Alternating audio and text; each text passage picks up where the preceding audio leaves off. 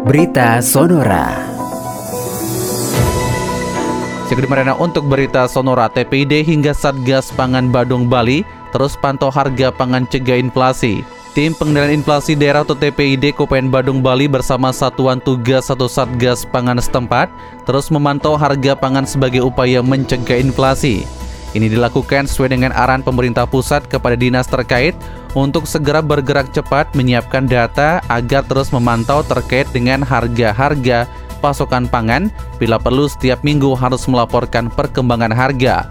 Hal itu diungkapkan oleh Sekretaris Daerah atau Sekda Badung Iwayan Adi Arnawa. Ia mengatakan pihaknya mengajak seluruh pihak terkait untuk bergerak meminimalkan kekurangan tingkat persediaan pangan Badung yang sesuai dengan interpelasi pemerintah untuk membuat perumda pangan agar dapat membeli hasil produk para petani setempat guna membantu mereka untuk mendapatkan pendapatannya.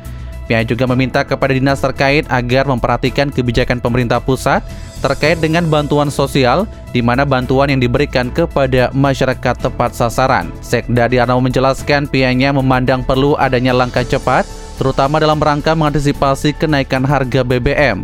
Oleh karena itu, dalam rangka meningkatkan daya beli masyarakat, pemerintah pusat juga telah melaksanakan program bantuan sosial. Sementara itu, Asisten Perekonomian dan Pembangunan Kabupaten Badung Ide Bagus Gede Arjana menambahkan, pihaknya berterima kasih dan mengapresiasi Bank Indonesia Bali yang selalu memberikan informasi perkembangan inflasi dan juga harga barang dan mendukung pengendalian inflasi kepada TPID Kabupaten Badung. Demikian Gede Marina untuk berita Sonora kembali ke program selanjutnya. Demikian berita Sonora. Follow sosial media kami, Twitter, Instagram, TikTok, Facebook, at Sonora underscore Bali.